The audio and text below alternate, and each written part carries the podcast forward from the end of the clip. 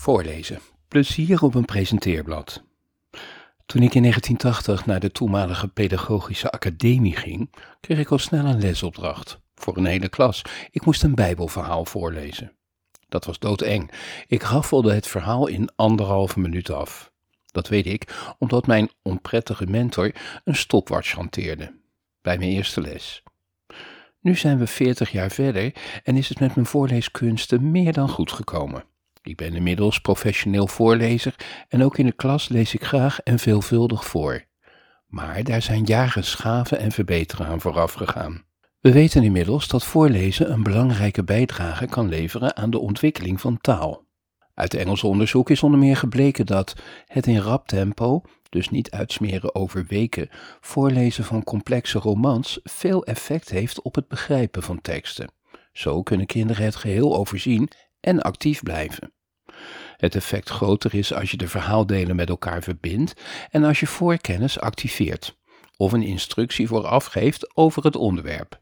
Het effect het grootst is als de leerkracht voorleest en niet de kinderen. Het goed is om ingewikkelde verhaallijnen te visualiseren. En ook de schrijfvaardigheid gaat omhoog. Kinderen pakken vaak teksten over onderwerpen die ze interessant vinden.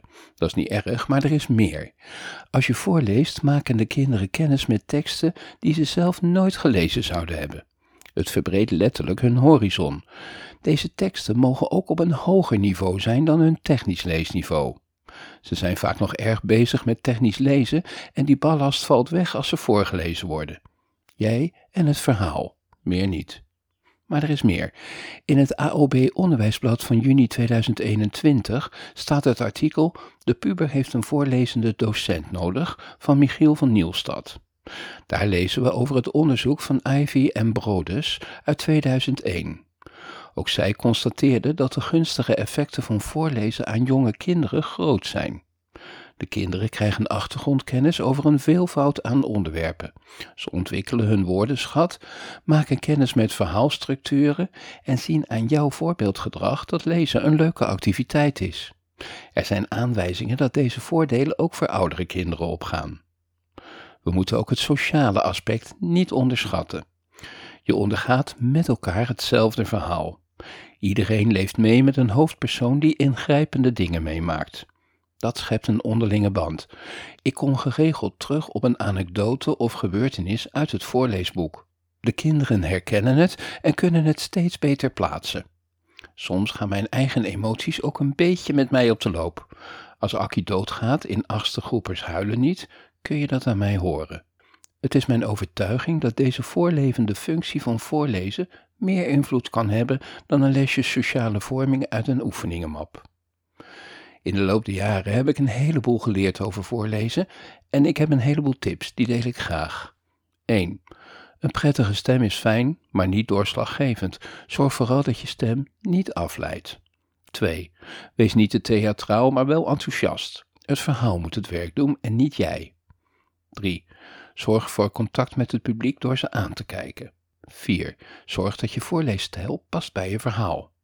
Een verhaal over een oorlogsgebeurtenis klinkt anders dan een verhaal over een carnavalsfeest. 5. Tempo. Geef het publiek de tijd om het verhaal te verwerken. Ze kennen het verhaal nog niet en kunnen niet even terugbladeren. 6. Gebruik spaarzaam stemmetjes. Een goede voorlezer is onzichtbaar. Zoals gezegd, het verhaal moet het werk doen. 7. Gebruik je handen. Zelfs al ziet men het niet, het is te horen. 8. Verander stem en intonatie subtiel bij gebeurtenissen. Durf stiltes te laten vallen. 9. Maak een testrit. Sommige boeken of verhalen lezen best lekker, maar zijn eigenlijk ongeschikt om voor te lezen. 10. Gebruik interpunctie als steun. De schrijver heeft de leestekens niet voor niets gebruikt. 11.